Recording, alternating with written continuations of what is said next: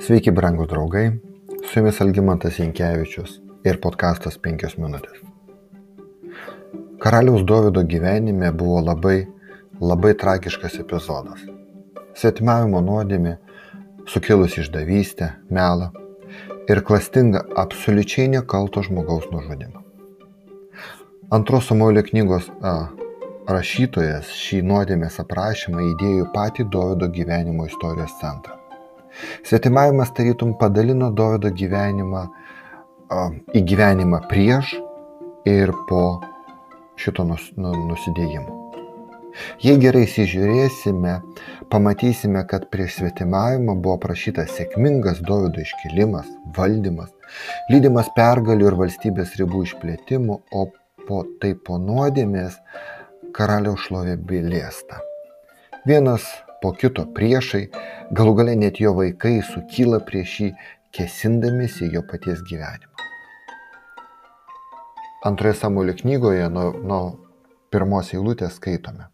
Pavasarį, kai karaliai eina į žygį, Dovydas išsiuntė Jobą, jo draugės su savo pareigūnais ir visų Izraeliu. Jie nuniokojo Amoną ir apgulė Rabą, o Dovydas pasiliko Jeruzalėje. Kartą vieną popietę Dovydas pakilęs iš golio vaikštinėjo ant karaliaus rūmų stogo. Nuo stogo jis pamatė besimaudančią moterį. Ta moteris buvo labai graži. Dovydas pasiuntė dvariškį pasiteirauti apie moterį, jam buvo pranešta. Tai Eliamo duktė, Urijos Hitito žmona. Dovydas nusintė pasiuntinius ją atvesti. Jie atėjo pas jį ir jis suėjo su ją, ji buvo ką tik apsivaliusi po savo mėnesinių. Tada ji sugrįžo namo. Moteris pastojo ir pasiuntė Dovydui žodį. Esu neiščia. Norėdamas nuslėpti savo nuodėmę, Dovydas skubiai iškvietė Uriją ir iš karto bandė įtikinti eiti pas savo žmoną, kad jis eitų, kad vėliau jam nekiltų klausimų dėl būsimo vaiko.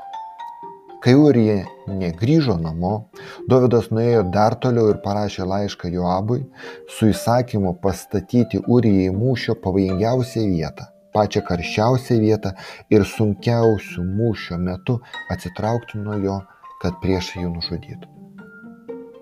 Tačiau ciniškiausia buvo tai, kad pats Urija, jis pats atnešė šį grėsmingą, pražutingą laišką Joabui. Nors Urijas mirė nuo amonitų rankos, bet visgi viešpats per pranašą Nataną aiškiai pasakė Dovydui, tu jį nužudėjai. Antras Samuelio 12 skyrius. Kas nutiko, kad vienas pamaldžiausių, ištikimiausių Izraelio valdovų tapo kaltu dėl tokių baisių nuodėmių? Biblija pateikia mums bent tris šio karaliaus nuopolio priežastis ir įspėjimus nekartoti jo klaidas. Pirma, Dovydas nieko neveikė. Kai visi nuėjo į karo kovoti, jis pasiliko Jeruzalėje, mėgojo iki vakaro, pabudęs, kaip atsitinka dėl dikinėjimo, nežinojo, ką daryti. Antra, pats Dovydas puolė stačia galva į pagundą. Išvykęs maudinėse Betšeba, svetimo vyro moterį, jis turėjo skubiai pasišalinti.